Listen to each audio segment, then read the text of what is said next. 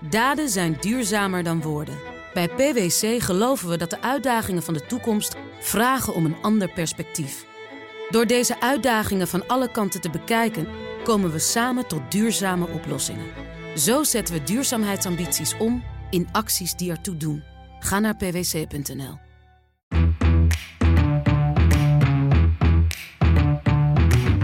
Dit is Haagse Zaken. Mijn naam is Lemia Aharwai.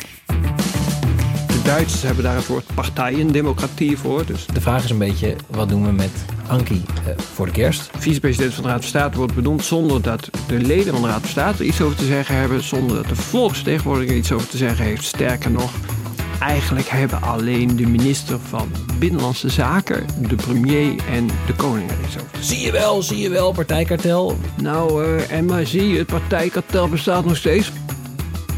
We kregen afgelopen weken nogal wat eh, reacties. Sommige wat paniekeriger dan eh, andere. Waar we bleven, waar de afleveringen van Haagse Zaken bleven. Nou, dat was vanwege het reces. We waren er even tussenuit. Maar we zijn er weer. In volle sterkte ook. Tom Jan Meeuwis en Thijs Niemandsverdriet. Welkom allebei.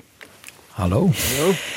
Deze week een ehm, veel besproken onderwerp dat ik zelf eigenlijk niet eens hoef te introduceren. Baantjescarousel. Part, part, partijkartel. Part, part, partijkartel. Part, part, partijkartel. Part, part, partijkartel. Eh, ja, het partijkartel en eh, het baantjescarousel. Bestaat dat nou eigenlijk wel? Er komen een paar eh, vacatures komen er vrij bij de Raad van State. Daar heb je de laatste tijd waarschijnlijk al veel over gehoord.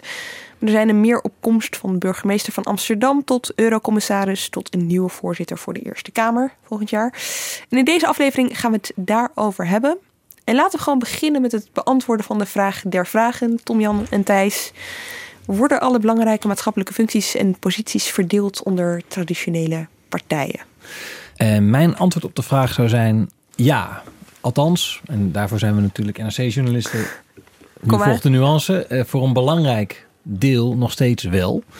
Eh, het is natuurlijk niet het frame wat, eh, wat Baudet ervan maakt. Dat is natuurlijk leuk bedacht en zo. Dat, dat, dat suggereert dat er in achterkamertjes echt alles wordt verdeeld. Maar wat ik interessant vind is dat eigenlijk ondanks het feit dat partijen ongelooflijk eh, eh, verzwakt zijn de afgelopen eh, 20, 15 jaar. ehm, er nog steeds heel veel belangrijke banen in het openbaar bestuur, in het maatschappelijk middenveld, naar leden van eh, de, ja, in ieder geval de drie grote bestuurspartijen gaan. Eh, CDA, VVD, PvdA en in mindere mate D66 en GroenLinks, ChristenUnie, partijen die daar iets meer eh, omheen zitten. Dus hoewel er volgens mij eh, geen complotten bestaan en voortdurend schimmige deals in achterkamers worden gesloten, denk ik dat in de praktijk er nog steeds veel naar die partijen gaat. En ik denk dat het ook de reden is dat het, dat het beeld van Baudet zo goed beklijft, omdat het namelijk voor een gedeelte gewoon berust op waarheid. Tom-Jan? Eh, in, in de werkelijkheid zoals ik hem zie, ehm, Oké, ik voel me eh, aankomen. hebben de traditionele partijen eigenlijk steeds minder te zeggen over wie er benoemd wordt. Dus als je het, de term partijkartel is door wetenschappers begin jaren 90 geïntroduceerd. Overigens was, had het toen niet de lading die het nu heeft. Het, was, het idee was toen, eh, partijen houden zichzelf in stand met steun van de staat, met financiële steun. Dus eigenlijk stellen ze steeds minder voor. En omdat ze steeds minder voorstellen, minder leden hebben, minder aanzien hebben, zoeken ze financiële steun van de staat om zichzelf in stand te houden. De Duitsers hebben daar het woord partijendemocratie voor. Dus de partijen zijn belangrijker dan de kiezers. Eh, in Nederland is de term Nederland één partijstaat. Ja. In 1990 door de bestuurder, de politicoloog Oerlemans geïntroduceerd overigens in de NRC Handelsblad. En er is een, er is een Ierse politicoloog, Mer heet die, die heeft de party cartel eh, eh, in de internationale politicologische literatuur geïntroduceerd. Nou, en toen, in die tijd, was het zo dat partijen inderdaad, traditionele partijen, ongeveer volledige zeggenschap hadden over wie er in Den Haag, maar ook in het land, als bestuurder, als, als commissaris van de koning of koningin toen, eh, werden benoemd.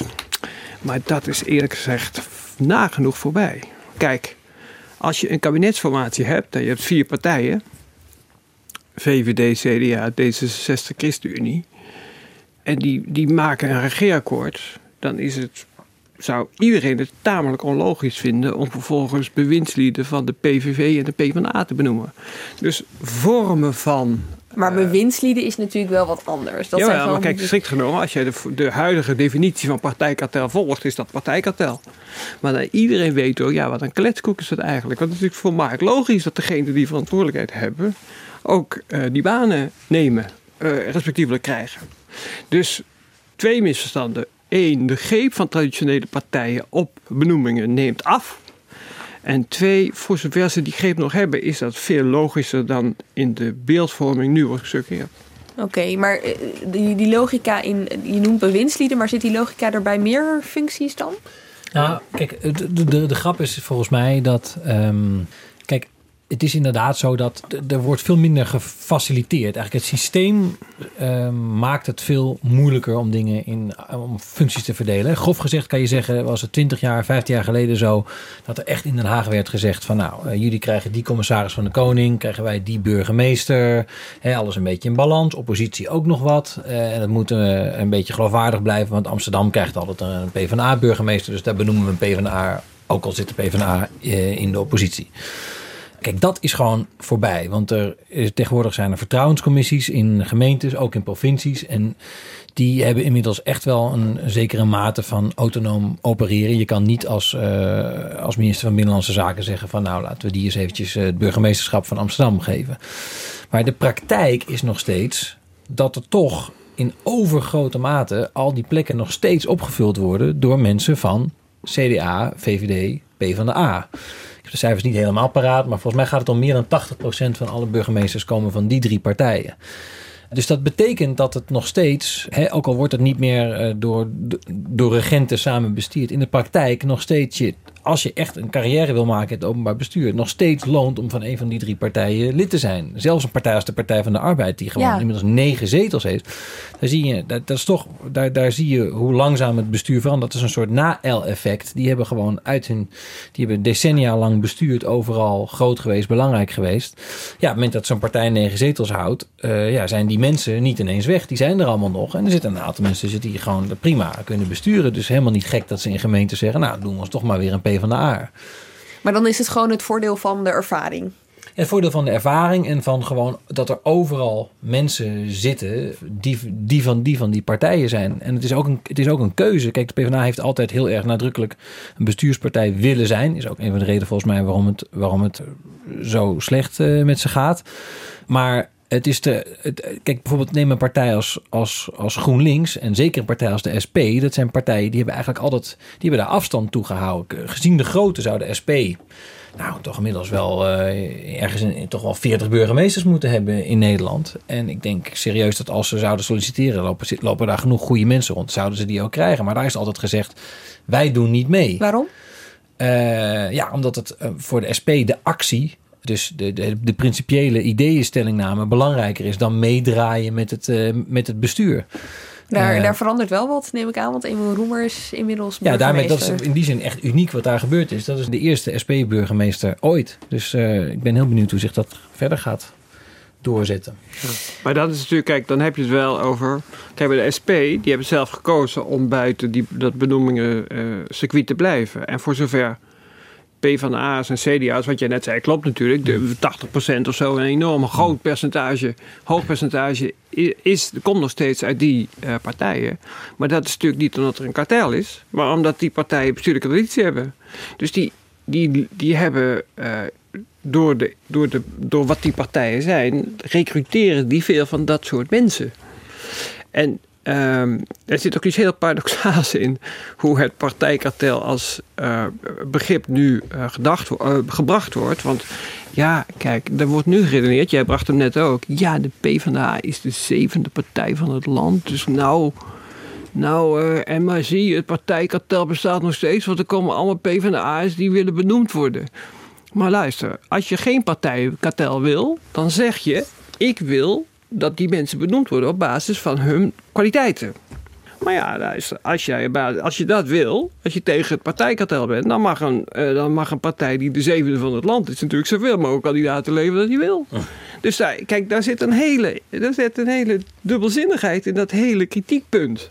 Kijk, Forum voor Democratie kan natuurlijk, als ze wil, ik, ik lees steeds dat ze een enorme hoeveelheid leden hebben. Ja. Nou, die kunnen bij al die burgemeesters, vacatures en wat je hebt. nou, leden inschrijven, op, die kunnen allemaal meedoen. Er Is, eh, niet, Nederland heeft een enorme laagdrempelige democratie, ook in benoemingen. Ja. Ze, kunnen, ze hebben kansen, zoveel als ze willen. Maar Dus- daar, daar, schuilt ook de, daar schuilt ook de moeilijkheid volgens mij. Want jij, waar jij nu aan raakt, die partijen die niet, die niet meedoen, dat is ook wat het bestuur in, van Nederland zo moeilijk maakt op dit moment. Want je bent dus, eh, hè, omdat er zoveel partijen zijn die per definitie niet in de regering gaan zitten, zit je nu met een ongemakkelijke coalitie van 76 zetels. Waarin partijen toch ook iets moeten eh, krijgen, iets gelukkig gehouden moeten worden. Waardoor je nu de, waardoor bijvoorbeeld D60, die nu als minst gelukkige partij in de coalitie zit. Ja, dat er toch een soort besef is in de coalitie van, nou ja, die zullen dan toch of de Raad van State of de Eurocommissaris, die, moeten, die kunnen we niet allebei aan hun voorbij laten gaan. Waardoor je eh, eh, dan toch partijpolitieke benoemingen gaat krijgen. Wat weer mensen als Baudet eh, argumenten geeft om te zeggen: zie je wel, zie je wel, partijkartel. Wat weer eh, kiezers weer bozer maakt. Waardoor eh, nou ja, de middenpartijen weer verder verkruimelen bij de volgende verkiezingen. waardoor het weer moeilijker wordt. En zo kom je in een soort visieuze cirkel terecht. Ja. Laten we beginnen bij de Raad van State. Want ik zei het al, er komen een heleboel vacatures vrij. De Raad van State is daar één van. Eh, e- even, even heel kort, wat doet de Raad van State? Waarom is het zo'n belangrijke post? Ik, die, zal ik nemen. Eh, die adviseren de regering. Het, het, hè, dat wordt dan vaak genoemd. Officieel is dat natuurlijk niet zo. Maar de, het voornaamste adviesorgaan van de regering. En het belangrijkste is hier de taak om eh, individuele wetgeving. die uit het kabinet of de Kamer komt. op zijn eh, juridische en staatkundige haalbaarheid te toetsen. Waarom zeg je officieel is dat niet zo? Kijk, dat heet het voornaamste adviesorgaan van de regering. Maar je kunt natuurlijk, als je vindt dat de juridische toets van een nieuwe wetgeving minder belangrijk is dan, laat ik zeggen, de doorrekening van het Centraal Planbureau van de Rijksbegroting. Dan, Ja. Ja. ik bedoel, dus dat is een. Maar goed, het is een. Het, traditioneel het is in ieder geval het oudste adviesorgaan, laten we het zo noemen. 1531 geloof ik. hè? Kijk. Ja. Dat had ik even niet paraat. en, eh, en maar het andere wat zij doen is, zij zijn de eh, ze bestuursrechter. Dus in, in eh, bestuurlijke geschillen hebben zij in doorsnee het laatste woord. In de meeste bestuur- bestuurlijke verschillen. Mochten die dan eh, worden opgebracht hier door burgers of door bestuurlijke lichamen. Dus dat zijn de twee taken die zij vervullen. De, de- het heeft ook symboliek. De koning is nog steeds officieel voorzitter van de raad. Maar dat is ook zeer symbolisch, toch? Dat is volstrekt symbolisch.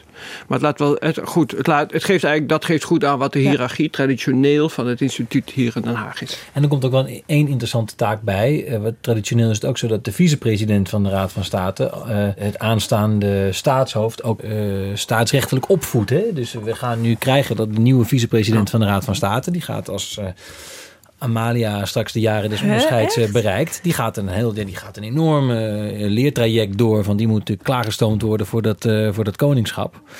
Hoe ziet, dat, hoe, hoe, hoe ziet dat eruit? Is dat dan dat, dat hij met haar aan tafel gaat zitten en haar les Ja, die gaat vele uren, natuurlijk niet alleen maar, maar over van alles en nog wat. Maar die gaat, als het gaat over de, de, hoe Nederland staatkundig werkt, dan gaat zij vele, vele uren met de nieuwe vicepresident doorbrengen, die haar vaderlijke van alles gaat, gaat bijbrengen. Interessant. Oké. Dus je, je bent eigenlijk, eh, daardoor ben je eigenlijk QQ ook een intimus van het, van het Koninklijk Huis. Dat, dat, dat kan bijna niet anders. Ja, ik zit te denken, Herman Cenk Willink, een van de oud-vicepresidenten, is ook peetvader van twee van de prinsesjes, als ik het goed heb. Die had Dus- ik ook al gemist. Ja, Ja. Tom Jan, blijf bij de les, hè? Vaker de story in de privé lezen. dan- Oké, eh, waar hadden we het nou over? Oh ja, de vicepresident is dus eigenlijk wel de beslisser eh, van de Raad van State. Is tot, tot juli Piet Hein Donner, als ik het goed heb. November. Hij gaat November. op 1 november gaat hij verplicht met pensioen. En dus is men op zoek naar een vervanger. En tegenwoordig is er dan een vacaturetekst, een advertentie ook in de krant. Maar wat gebeurt er achter de schermen? Ja, eerlijk gezegd eh, was het helemaal geen verrassing. Want eh, er wordt informatie altijd in elke formatie heeft gewoon als standaard dat eh, vanuit de algemene zaken wordt even een lijstje naar de onderhandelaars gestuurd. Waarin staat, nou deze vacatures kan de komende tijd vallen waar wat kabinetsbenoemingen zijn. En daar kunnen we, daar moeten we het even over hebben. Daarmee zeggen ze natuurlijk niet, dit moeten we onderling verdelen, maar dat is eigenlijk de impliciete boodschap. Nou, wat speelde bij die Raad van State? De huidige is Donner, is een CDA. De voorganger van Donner was Jane Quillink, dat was een PvdA. Uh, de VVD heeft een hele bijzondere verhouding met de Raad van State. Om te beginnen, Rutte kan dat echt geen bal schelen. En ten tweede lukt het steeds niet om VVD'ers warm te laten lopen voor de Raad van State. Er is op dit moment in de Raad van State één VVD-lid, de heer Jan Fransen, een oud Kamerlid, oud commissaris van de Koning hier in uh, Zuid-Holland. En die kunnen eigenlijk niemand vinden. Dus dat balletje dat rolde eigenlijk automatisch in de richting van uh, D66. Toen keken ze Pechtold aan en zeiden ze: Alexander, heb jij iemand? En toen heeft, is de naam Tom de Graaf genoemd. Toen noemde die andere geen namen. Daarmee stond niet vast, denk ik. Ik denk ook echt dat het zo is. Er stond niet vast dat Graaf het zal worden. Maar daarmee was een belangrijke indicatie uh, gegeven van hoe dit, uh, hoe dit balletje zou rollen. Uh, ik heb dit vorig jaar zo al een keer opgeschreven en zo, daar krijg je een haan naar. Dus het is nou niet zo dat hier een enorm ding was. Het is pas een ding geworden omdat door twee dingen. De benoeming van Donner in 2011 was het gevolg van een vermeende afspraak uit de formatie van 2010. Uh, een, uh, waarin zou zijn vastgelegd dat Donner het sowieso zou worden. En waarop uh, vooral D66, maar lang niet alleen D66, in 2011 enorm veel kritiek had. Omdat die procedure is inderdaad tamelijk ouderwets. En omdat het niet hoort, zij betoogde ook toen D66 dat je mensen op voorhand in een nog te opende vacature uh, aanwijst als opvolger, zonder dat je hun kwalitatieve beoordelingen eh, bekijkt. Dus zonder dat je bekijkt of degene de beste kandidaat voor dat moment is. Toen kwam er ook een motie van de PvdA. Ja. Gesteund onder andere door D66 en die is er ook doorheen gekomen. Right. En in die motie staat dat in de toekomst de vicepresident van de Raad van State moet worden benoemd in een procedure waarin ook de Tweede Kamer een rol heeft. Nou, die motie is niet uitgevoerd. Het kabinet was daar op, op grondwettelijke gronden tegen. Daar kan je een heel gesprek over voeren. Volgens mij is het flauwekul, maar nu vat ik het heel kort samen. In ieder geval, in de huidige procedure is niet veranderd ten opzichte van de procedure die, die gold toen donder uh, werd benoemd. En het gevolg van die procedure is eigenlijk dat heel traditioneel die vicepresident van de Raad van State wordt benoemd zonder dat de leden van de Raad van State iets over te zeggen hebben, zonder dat de volksvertegenwoordiger er iets over te zeggen heeft. Sterker nog, eigenlijk hebben alleen de minister van Binnenlandse Zaken, de premier en de koning er iets over te zeggen. En dat is voor uh, zo'n op zichzelf belangrijk instituut wel heel ouderwets. En het is ook het enige van die belangrijke uh, instituten die er zijn waar dit echt nog zo gaat. Hè? Want ja. bij al de andere, als het gaat om de Algemene Rekenkamer, als het gaat om het, uh, de, de, Hoge Raad, Planbureau voor de Leefomgeving, CPB, nou, noem ze allemaal op, alle hoge colleges van staat, adviesorganen. Uh, daar is op een of andere manier is daar een rol voor, voor de Tweede Kamer uh, weggelegd. En is er een vorm van inspraak. Dan wel uh, dat die organen zelf iemand kunnen aandragen. Dan wel een combinatie daarvan. Ja. En eigenlijk bij de, dus wat wij net constateren, belangrijkste adviesorgaan gebeurt het dus op deze volstrekt ouderwetse uh, manier. Nou, die procedure zit als volgt. Dus je hebt dus mensen, er is, er is een uh, advertentie geplaatst, kunnen mensen een brief opschrijven. Waar wordt die geplaatst? Staatscourant? In de Staatscourant tot volgende week uit mijn hoofd donderdag, 22 mei, kunnen mensen solliciteren. Iedereen? Jij en ik Iedereen, ook? Ja hoor, ja, in theorie zou het ja. kunnen. Uh, ja, ik, zei niet, ik, ik heb geen ambities hoor. Ik heb het niet er nog mee. Maar, maar eh, mensen kunnen schrijven. En wat er dan gebeurt, is dat, dat is allemaal vastgelegd. Uh, de minister van Binnenlandse Zaken in samenwerking met de secretaris-generaal van haar ministerie en het toeval is dat zijn beide leden van D66 voeren sollicitatiegesprekken. Terwijl die sollicitatiegesprekken lopen en er een beeld ontstaat van wie de kandidaten zijn, gaat de premier Rutte spreken met de koning over de uh, mogelijke beoordeling van de kandidaten. Wij krijgen te horen dat de koning, uh, de huidige koning, een dergelijke houding heeft van, nou ja, dat hij zich eigenlijk zo min mogelijk politiek wil manifesteren. Dus dat hij uh, waarschijnlijk geen, geen uh, zwaar, zwaar oordeel zal hebben. Maar in theorie is het mogelijk. vervolgens meldt de, premier dat weer aan de minister van Binnenlandse Zaken. En die maakt vervolgens de voordracht voor de ministerraad. En dan kan de ministerraad alleen ja of nee tegen zeggen. Met andere woorden, eh, er zit een enorm, dus afzien van de premier en de koning, heeft, is eigenlijk de hoofdrol hier voor uh, Kajsa Ollongren, de, de, de vicepremier van D66, minister van Binnenlandse Zaken. Die heeft een enorme zeggenschap over wat hier gaat gebeuren. En dat maakt het natuurlijk al heel ongelukkig, want Tom de Graaf is ook van D66. Ja. En de partij van de. Van de die, enfin, dit is het cliché, maar goed. Die 50 jaar geleden bestuurlijk Nederland ging omploegen. Die gaat nu volgens een uh, procedure van. Uh, God weet hoe lang geleden. Uh, een partijgenoot mogelijkerwijs benoemen. Ja, en om het ingewikkelder te maken is het ook niet zo dat Tom de Graaf de enige kandidaat is. Want er heeft zich een nieuw kandidaat aangediend. En dat vind ik nog een beetje ingewikkeld, want dat is Jeroen Dijsselbloem. Dat is op zich niet zo ingewikkeld. Maar het feit dat die is voorgedragen door de Raad van State zelf. Dus dat kan ook blijkbaar. Nou, die, die is niet formeel voor. Kijk, die is niet formeel voor. Kijk, het is sowieso zo in die procedure. Je moet gewoon persoonlijk uh, solliciteren. Dus je, de enige die zich kan voordragen ben jij zelf. Maar de Raad van State is zelf, dat, dat tekent ook eigenlijk hoe ouderwets die procedure is. In, dat deed zich in 2011 al voor en doet zich nu opnieuw voor. In die Raad van State zijn ze zelf ook heel ongelukkig over dat het zo gaat, dat die procedure zo in elkaar zit. Hierbij is het belangrijkste eigenlijk dit. Kijk, die Raad van State bestaat uit mensen die in bestuurlijk Den Haag een, een rol, respectievelijk een grote rol hebben gespeeld in het verleden. Dus dan moet je denken aan oud-secretarissen-generaal, directeuren-generaal, mensen Oud-ministers zitten er ook Oud-ministers. Die uh, het in hun hele politieke leven niet gewend zijn geweest om erg vaak genegeerd te worden. Dus die zitten nu met zo'n procedure waarbij allerlei figuren die ze ja. niet noodzakelijk hoog hebben, beslissen wie hun baas wordt. En ze hebben zelf niets te vertellen. Dus die mensen die, die anticiperen op en die gaan. Dat, dit is al een jaar gaande hoor. Want ze zien het allemaal eindeloos aankomen. Ja. Die gaan mensen benaderen in het veld van... Goh, wil jij niet solliciteren? Een heel bekend voorbeeld is Eberhard van der Laan. Voordat hij ziek werd, is hij al vanuit de Raad van State benaderd om, uh, om uh, Donner op te volgen. Hij had er, uh, Lodewijk Asscher heeft dit gewoon een keer in het parool verteld. Hij had er ook oren naar. Nou, dit gebeurde allemaal voordat hij ziek werd en inmiddels is mm -hmm. overleden. Maar, dus die, dus daar, daar zijn ze ook al heel lang mee bezig. Nou, dan heb je ook nog verschillende groepen. De Raad van State is even zo min uh, uh, monolithisch als enig ander lichaam. Dus die, er zijn allemaal verschillende groepen. En, dus de een wil graag een, iemand met financiële achtergrond en die een beetje links is. De ander wil mee liever een CDA en zo gaat dat. Dus daar worden allerlei mensen benaderd. En een van die is ook benaderd is, is, is Jeroen Dijsselbloem. En niemand verwachtte eigenlijk dat hij er zin in had. Uh, ik heb begrepen dat hij dat zelf eigenlijk ook niet verwachtte. Uh, maar die is er over na gaan denken en is tot de slotsom gekomen dat hij het toch dat hij, dat hij, dat hij het eigenlijk wel een interessante baan voor hem vindt. Ja.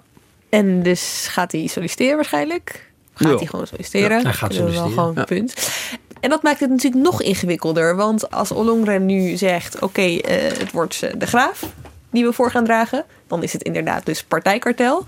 En als ze gaat voor Dijsselbloem, Ja, het is, het, is, het, is, het is voor het kabinet en met name voor D66 is dit een hele vervelende Ja. situatie. Ja. Misschien ook een beetje naïef om gedacht te hebben dat, het, dat, dat deze keer het wel in stilte zou gaan. Terwijl er de vorige keer in 2011 zoveel tumult over was. En eh, nou ja, dus de, de, de stemming over partijpolitieke benoemingen er nou niet bepaald eh, milder op is geworden in de, in de afgelopen jaren. misschien nog goed om erbij te zeggen dat in 2011 was het Alexander Rinoy Kan, ook D66. Ja, inmiddels dus Eerste het- Kamerlid voor D60. Had gesolliciteerd, werd het niet.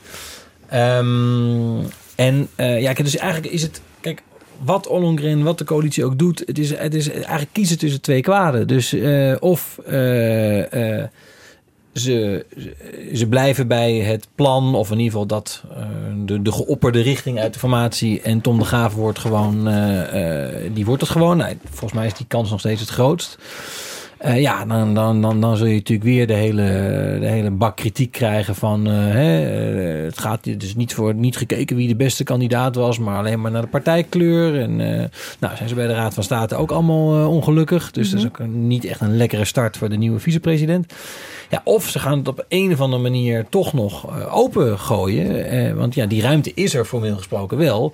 Ja, dan beland je politiek gezien in een hele ingewikkelde situatie. Want dan is de kans eh, serieus aanwezig dat Tom de Graaf het niet wordt. Ja, en hoe ga je daar als D66 mee om? Terwijl je, Die al zo eh, ongelukkig ja, is, die al toch iets moeten. ehm, nou ja, eh, eh, dat, dat, en ja, dan, wat Tom Jan ook net aanstipte, de hele discussie over de D66, de voormalige partij die het bestel ooit zou gaan veranderen.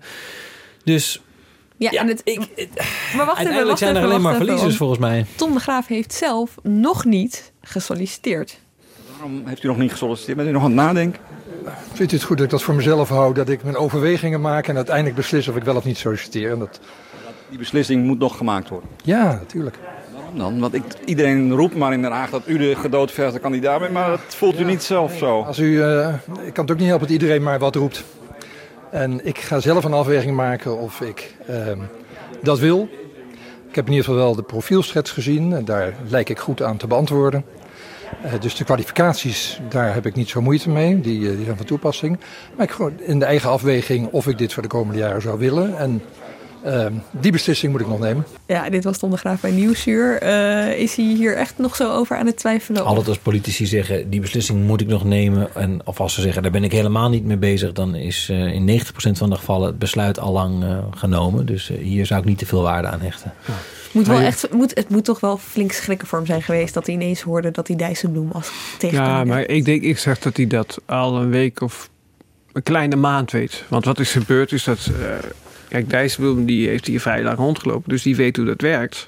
En die heeft... eh, ik, een week of drie, vier geleden... is die een rondje gaan maken langs fractievoorzitters. En heeft ook de fractievoorzitters uit de coalitiepartijen gesproken. En, eh, en die mensen gevraagd... eh, gaat er uit jullie partij iemand solliciteren? Nou, hier heb je overigens, hè, waar we het begin over hadden. Hier blijkt eigenlijk dat het partijkartel niet bestaat zoals veel mensen denken dat het bestaat. Want die, kijk, als een CDA besluit te solliciteren, dat heeft Buma niet in de hand. Werkelijk niet. Maar Dijsselbloem heeft daar van die partij, van die fractievoorzitters uit de coalitie te horen gekregen. dat voor zover zij weten uit, hun- uit hun partij niet gesolliciteerd zou worden. behalve dat bij D66. Daar, eh, daar bleek niet dat, eh, dat het vaststond dat er niet gesolliciteerd zou worden. Dus daar was een belangrijke, eh, interessante indicatie. Maar het gevolg daarvan is zo: kijk, mensen wisten dus in de coalitie, en hier in Den Haag, want Dijsselbloem is ook bij anderen geweest. Het is vrij, hij heeft het vrij breed laten doen. Dus dan krijg je ook wel de indruk dat hij wilde dat het bekend werd, eerlijk gezegd. Eh, ja, die mensen wisten allemaal, Tom de Graaf vermoedelijk dus ook. Want hij is geen onbekende van Alexander Pechtold. Ik geloof dat zij teruggaan uit, naar Leiden in de jaren tachtig, maar dat moet ik checken. Eh De Graaf wist al dat dit eraan zat te komen. En dit is natuurlijk voor hem super vervelend, want het zag er inderdaad toch heel lang naar uit dat hij, gewoon, dat hij die benoemde ging zeilen. Ja. En, eh, ja, en dit is een streep door de rekening. Maar in die end, hè, of, of er nou iemand van D66 zit of PvdA, even los van, het, eh, van nou ja, de kras die D66 krijgt als zij het bijvoorbeeld niet worden of whatever. Wat maakt het uit voor de functie? Maakt het wat uit voor de functie of er iemand van een bepaalde partij zit? Dus echt voor het werk zelf. Nee, kijk, weet je wat het is met dit soort functies? Als jij een, als jij een PvdA bent, Jane Kunnik is hier een prachtig voorbeeld. Als jij een PvdA bent, dan win jij gezag als vicepresident van de Raad van State als je een paar keer een advies uitbrengt dat hoge publiciteitswaarde heeft, waarin je eigenlijk zegt, het standpunt van de PvdA is totale flauwekul, de VVD heeft gelijk. Ik vat het nu even huiselijk samen. Want dan laat jij als in die functie zien dat je een onpartijdig denkend persoon bent. Kijk, zo werkt het eerlijk gezegd ook met Tweede Kamervoorzitters. Over die functie wordt vaak heel ingewikkeld gedaan. Dat is, dat, ik vind dat een overschatting van de functie. Want wat die mensen moeten doen, is eigenlijk regelmatig zeggen: Nou, ik ben van de. Nu is- hebben we een PvdA-voorzitter. Nou, de PV, PVV heeft die toch een puntje. Of eh, goed gezien van de heer Hiddema. En dan, hij dan zeggen: Nou, het gezag van de voorzitter neemt toe. En dan eh, krijgen we dat. Dus de- het is, dat is niet ingewikkeld. Maar het laat eigenlijk ook zien dat de partijpolitieke waarde van dat soort functies. Ja, dat is, ik zeg heel beperkt. Dus als je vaak je zin wil krijgen in de Raad van State, kan je beter niet partijgenoten hebben zitten. Dus dit is heel dubbel. Het geldt overigens ook voor burgemeesters. Hè? Ik bedoel, de burgemeesters met die, waarover, die met gezag, waarover gesproken wordt als dat ze gezaghebbend zijn, zijn vaak ook burgemeesters die op geen enkele manier, die echt zoveel mogelijk boven de partij staan, op geen enkele manier blijk geven van partij, in ieder geval voor sympathie van hun eigen partij. En vaak zelfs het tegenovergestelde. Dus dat, daar, daar zit iets heel paradoxaals in, Ja. inderdaad. Eh, je hebt eh, in zekere zin de partij nodig om er te komen. En maar zodra je er zit, moet je de partij zo snel mogelijk afschudden. Ja, maar wat is dan het belang van de partij om je er wel neer te zetten? Waarom wil denk dat het- D66 het, zo graag bijvoorbeeld? Nou ja, het heeft voor een deel ook toch ook wel belangrijk, ook wel te maken met, eh, denk ik, ook met informatievoorziening. Dus en dat geldt natuurlijk, dat geldt ook overigens voor topambtenaren. Maar kijk, het is toch heel veel in de politiek in Den Haag draait ook om. Zie je dingen aankomen? Weet je wat er speelt? Weet je, heb je het gevoel, la- laat je je niet verrassen door wat er speelt? Nou, als er genoeg mensen op allerlei, in allerlei plekken zitten van jouw partij, dan is het lijntje toch net wat korter. En dan kan je gewoon eh, ja, dan ben je gewoon beter op de hoogte. En Ja. dat, dat, dat, dat werkt, zeker als je in een kabinet zit, werkt dat gewoon, eh, dat, dat werkt beter. Ja. Dat lijstje met functies, hè, die dus tijdens zo'n formatie op tafel komt te liggen met, eh, oh ja, deze benoemingen zijn er nog. Dat Mhm. gebeurt altijd helemaal aan het eind, toch, Tom Jan? Of juist nou, niet? dus? formeel wordt dat. eh, Nee, maar dit is ook niet zo. Kijk, die eh, informaties hebben ze, heb je formeel formatieoverleg onder leiding van de informateur. Maar wat ze eigenlijk altijd doen, is los van de informateur met de, met de partijleiders, in dit geval de fractievoorzitters, bij elkaar gaan zitten. En dan, en dan is dat formeel geen formatieoverleg. Dat noem je dan eh, informeel of weet ik wat. Of Koffie drinken. Nadenken Ja. of ja, koffie drinken. en, eh, maar dan hebben ze toch die dingen. En dat gaat altijd heel vroeg. En het is ook zo logisch als wat. Want als jij een kabinet vormt.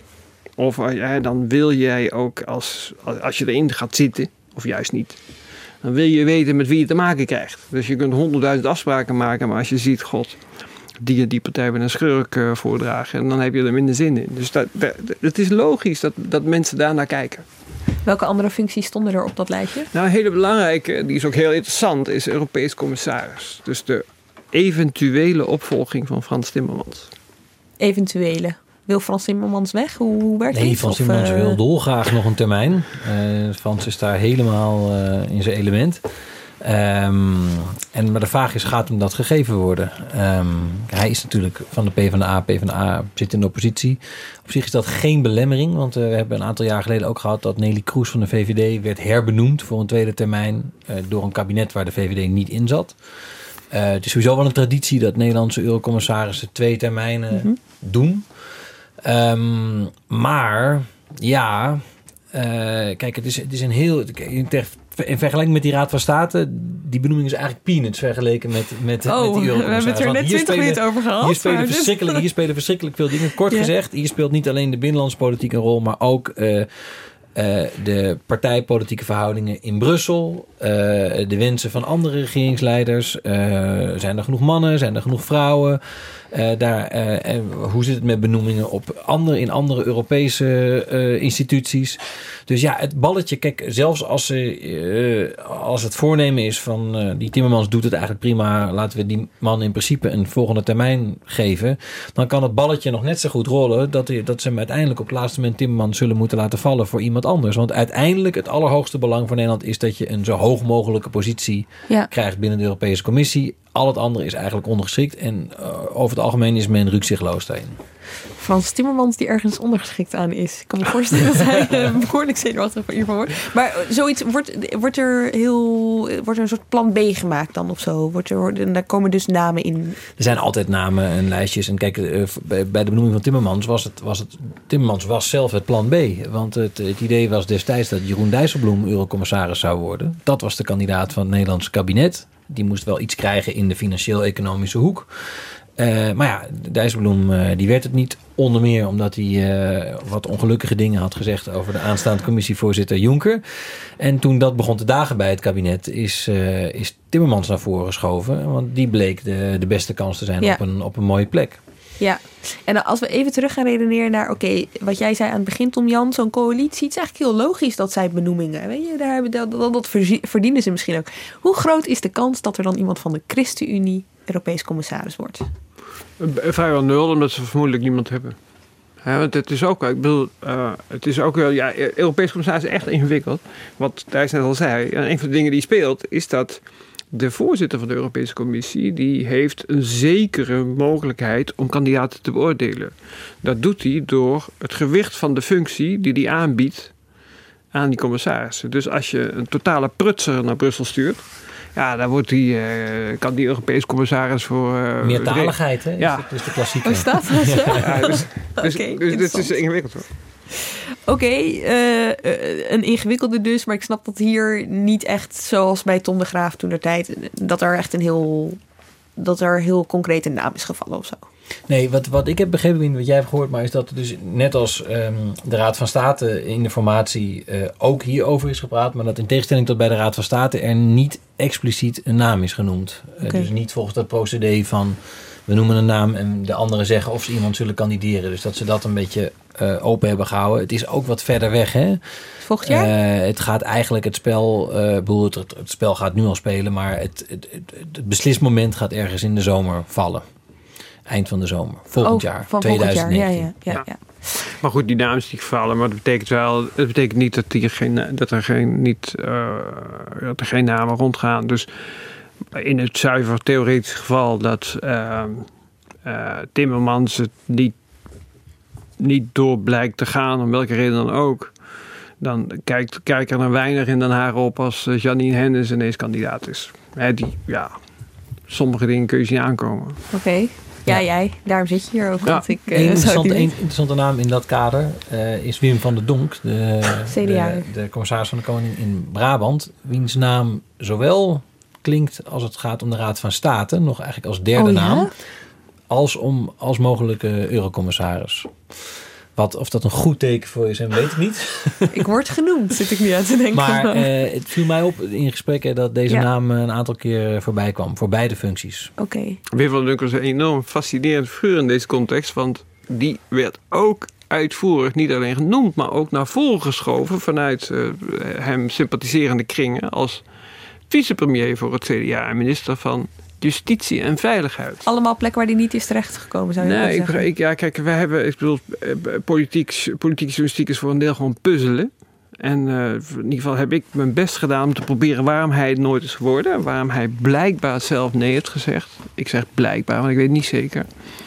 Ehm, en eh, dit is een van de dingen waar jij, ik, ik ben er niet achter gekomen. Dus ik, ik, ik, ik had verwacht dat het doorging.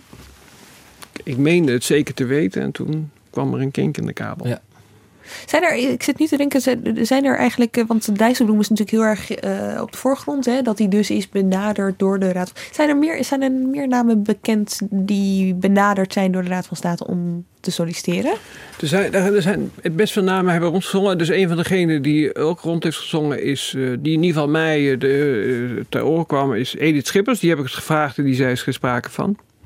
Eh, ik heb Van der Laan genoemd, Van der Donk, eh, wat Thijs net zei. Ehm, dat is voor zover ik me nu herinner, eh, is zij, dat zijn ze. Ja. Naar welke vacatures kijken jullie nog meer uit? Nou, wat ik, wat ik een leuke vind is eh, eh, de Eerste Kamervoorzitter. Eh, En daar zie je, daar is eigenlijk een beetje het partijkartel binnen, binnen, binnen de partij, zeg maar, intern partijkartel. Eh, daar is een wonderlijke, eh, een potentieel wonderlijke stoelendans eh, gaande. We hebben Johan Remkes, die is eh, nu nog commissaris van de Koning van in Noord-Holland. Oud-minister, eh, eh, man met veel bestuurlijke ervaring. Ehm, en die heeft nu gezegd dat hij weggaat. En eh, binnen de VVD is bekend dat hij eh, naar de Eerste Kamer zal gaan. Ehm, dat is al jaar. bekend. Nou ja, kijk, dat is gewoon... Ja. Ik bedoel, 100% zeker is het niet, maar het, het, het, het, gaat hoogst vermoedelijk gebeuren. Hij zelf, toen ik hem daarover sprak, eh, gaf dat ook met zoveel woorden gewoon toe. Ehm, het idee is ook dat hij daar dan eh, fractievoorzitter zou worden in de Senaat. En dat de huidige fractievoorzitter, Annemarie Jorritsma, mogelijk eh, de nieuwe voorzitter van de Eerste Kamer zou kunnen worden. Alleen op die plek zit op dit moment al een VVD'er, Ankie Broekers-Knol. En de vraag is een beetje, wat doen we met ehm, Ankie eh, voor de kerst? waar, Ehm, waar moet zij weg? nou ja, kijk, zij is eh, iemand die op zich eh, bij veel mensen zeer gewaardeerd wordt. Omdat ze, nou ja, eigenlijk wat Tom Jan net beschreef. Iemand is die gewoon vrij onafhankelijk is. En zich niet gelegen laat liggen aan marsorders. En gewoon zegt wat ze vindt. En andere partijen gelijk geeft. Wat heel, ze zei onder andere bijvoorbeeld tijdens de formatie. vorig jaar heeft ze op een gegeven moment gewoon hardop gezegd voor een voor een tv-camera of voor een radiomicrofoon. Dat ze vonden dat het wel erg lang duurt en of ze nou in godsnaam niet een beetje konden opschieten. Nou ja, deze mevrouw staat bekend als eigenwijs. En eh, niet iedereen in de VVD-top is daar ehm, erg blij mee, want in die partij eh, is discipline inmiddels toch wel heel belangrijk geworden. En bovendien is zij 71, ze wordt 72 en nou ja, ze zit al sinds 2001, als ik het goed heb, in de Eerste Kamer. Dus daar is het idee Misschien van... is de vraag, wil zij weg? Nou, kijk, mijn calculatie, ik weet dat niet zeker hoor, is dat zij nog wel door wil, maar dat zij wel begrepen heeft dat eh, als haar partij daar niet meer eh, eh, zin in heeft, dat het niet heel veel zin heeft om dat door te gaan drammen. En ja, het werkt ook wel zo dat je dan met elkaar in overleg, weet je, dan, dan maakt zij bekend dat het mooi geweest is en dat ze met, echt met pensioen gaat. En dan zeggen ze bij de VVD allemaal geweldig gedaan, leuk, je was topvoorzitter. En, eh, maar hier gaat, zit nog wel de nodige, het besluit is nog niet gevallen en er zit hier nog wel de nodige eh, eh, eh, wrijving. Ja. ja, want het wordt sowieso een VVD'er, toch? Help me even hoe... Nou, dat is ook niet een gegeven. Kijk, want uh, Ariep is ook met negen zetels eh, Ja. voorzitter van de, van de Tweede Kamer. Dus dat is niet een gegeven. Dat is ook het ingewikkelde. eh, wat voor Ariep natuurlijk ook speelde. Kijk, stel je, je, kandidaat, je stelt je kandidaat voor nog een termijn. Je wil eigenlijk alleen verder als je dan opnieuw voorzitter wordt. Maar een garantie daarop heb je niet. Het kan zijn dat ze toch zo loopt dat jij niet meer tot voorzitter gekozen wordt. En het fascinerende hier is overigens ook, wat, wat Thijs eigenlijk net al aangeeft. Kijk, die, in al die partijen, en alle coalitiepartijen met name ook, ehm, maar in alle partijen moet het, is, heb je in de loop van het komend eh, half jaar de kandidaatstelling voor de Eerste Kamer. Maar de Eerste Kamer gaat een cruciale rol spelen voor eh, het kabinet. Want eh, de dividendbelasting, dat is een vrij gevoelig onderwerp geworden, Ja. moet niet alleen nog door de Tweede Kamer, maar ook door de Eerste Kamer. En stel je nou voor dat je in die coalitiefracties in de Eerste Kamer een paar zittende Eerste Kamerleden hebt die eh, van hun partij te horen hebben gekregen: ja, eh, Jan, Piet, eh, Marie, we vinden het mooi geweest. Dan is de kans natuurlijk enorm groot, althans, ja, dan is de kans enorm groot dat zij zullen zeggen: Nou, oké, dan stem ik tegen die dividendbelasting. En dan flikkert het hele zaakje in elkaar. Dus eh, dit is een zeer, zeer fascinerend prik. Niemand van die coalitiepartijen kan hier eigenlijk enig risico nemen. Het komt er volgens mij eigenlijk op neer dat die zittende senatoren, als ze echt willen blijven, kunnen ze het gewoon afdwingen. Wat een geruststellende Ja. gedachte dat er dus Eerste Kamerleden zijn die zich daardoor laten leiden in het stemmen over zulke grote dossiers. Ja, ja. Overigens eh, ook leuk is dat de kandidaatstelling van de Eerste Kamer parallel loopt aan de kandidaatstelling van het Europees Parlement. Bijvoorbeeld bij de VVD is de termijn, eh, de sluitingstermijn voor eh, beide eh, lijsten 31 augustus dit jaar. Dus eh, eens in zoveel jaar tijd loopt dat parallel. Dus dat is ook. Er moeten veel mensen besluiten nemen. Ja, ja, ik wil er nog eentje uitpakken. En dat is de burgemeester van Amsterdam. Ook omdat dat natuurlijk in de procedure heel anders is dan wat we tot nu toe hebben besproken. Want een burgemeester wordt voorgedragen door de gemeenteraad. Ja. Nou ja, kijk, daar, is, eh, daar geldt voor dat dat niet vanuit Den Haag te besturen eh, te, te regelen valt. Eh, er is wel eigenlijk een soort ehm, optel- en aftreksom te maken van eh, welke kant dat uitgaat. Over het algemeen wordt er in Amsterdam de kans zeer klein geacht dat daar een VVD'er of een CDA ehm benoemd gaat worden. Het wordt vermoedelijk iemand van een linkse partij, omdat Amsterdam die mate chauvinistisch is dat. eh, eh, ja, Amsterdam ziet zichzelf als een linkse progressieve stad. Dus daar moet dan ook een eh, progressieve burgemeester krijgen. Dus hoogstens iemand als Hennis, denk ik, eh, als VVD'er zou acceptabel kunnen zijn. Maar die heeft nu in ieder geval hardop gezegd dat ze niet gaat solliciteren. Maar je zegt, als ze, als ze, als ze, niet, als ze zeggen dat ze het niet gaan doen, dan... dan... Nee, maar kijk, dat is iets anders. Dit, dit, dit ging over, ik ben erover aan het nadenken of Ja, ik ben ja. niet mee bezig. Kijk, als het moment dat jij hardop zegt, ik, heb, ik ga niet solliciteren, Ja. dan wordt het wel heel ingewikkeld om wel te solliciteren. Zo werkt het ook nog wel. Oké, wacht even. Want er is wel iemand die zegt, ik ben erover aan het nadenken voor Amsterdam. Want ik heb al eh, ook, ook van de redactie en zo gehoord van... nou, begin alsjeblieft niet over dat burgemeesterschap... want dat is dan opeens een onderwerp... en dan word je uit en scheuren daarover Nou, kijk, het ongemak is natuurlijk gewoon dat ik er niks over kan zeggen. Ik bedoel, er is geen profiel. Ik loop er wel over te piekeren, vanzelfsprekend. Maar ik, ehm, eh, ik weet het niet. Ik loop er wel over te piekeren, vanzelfsprekend. Ja. Zo van iedereen. Ja, je, had, je had een lijstje gemaakt, eh Thijs, niet zo lang geleden. Hè? Ja. Met, allemaal, eh, eh, met allemaal mogelijke kandidaten. Is dat lijstje korter geworden?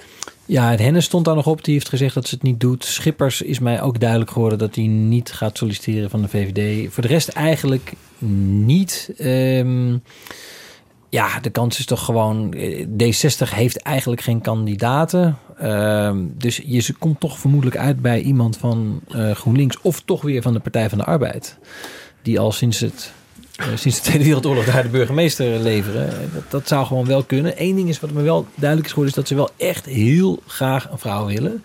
Ze hebben dat altijd, ze hebben, roepen dat al twintig jaar en dan kwam er steeds weer een man. En ze hebben nu volgens mij zich echt voorgenomen dat het een vrouw moet worden. Dus in die zin ehm, zijn de kansen van Halsema natuurlijk weer, die we net aan het woord hoorden, ehm, toch weer wel goed. Is er een vrouwelijke PvdA die... eh, Ja, twee namen hoor je daar. eh, of drie eigenlijk. Eén is Jet Bussemaker, oud-minister van Onderwijs. Ik heb daar mijn twijfels over of die het eh, gaat worden. Gadisha Ariep, is een naam die ook valt. Ehm, weet ik niet. En eh, de derde is Carolien Geros. Dat is een mevrouw die eh, buiten Amsterdam niet zo bekend Nee, is... maar die wel acht jaar wethouder is geweest... en daar wel heeft laten zien dat ze wat kan.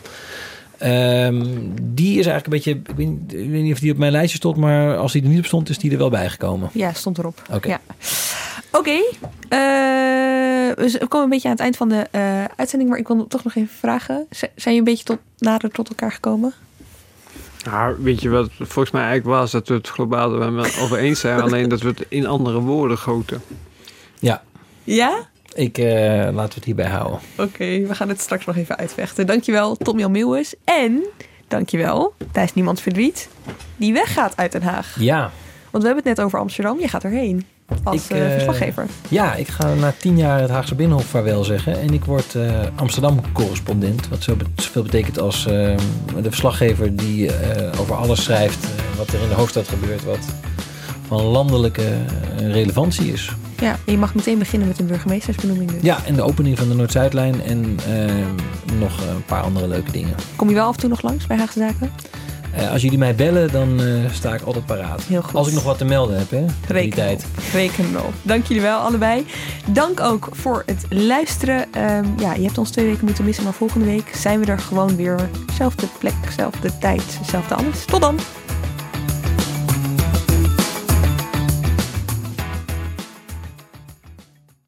Een maatschappij waarin iedereen meedoet. Een gezonde, groene en rechtvaardige wereld. Daar willen jij en heel veel andere mensen best iets aan bijdragen. In het klein en in het groot. Dicht bij huis en ver weg. Zo hebben we vorig jaar 349 miljoen euro bij elkaar gebracht. Miljoenen waarmee onze goede doelenpartners de wereld elke dag een beetje beter kunnen maken. Nationale Postcode Loterij. Samen voor een betere wereld.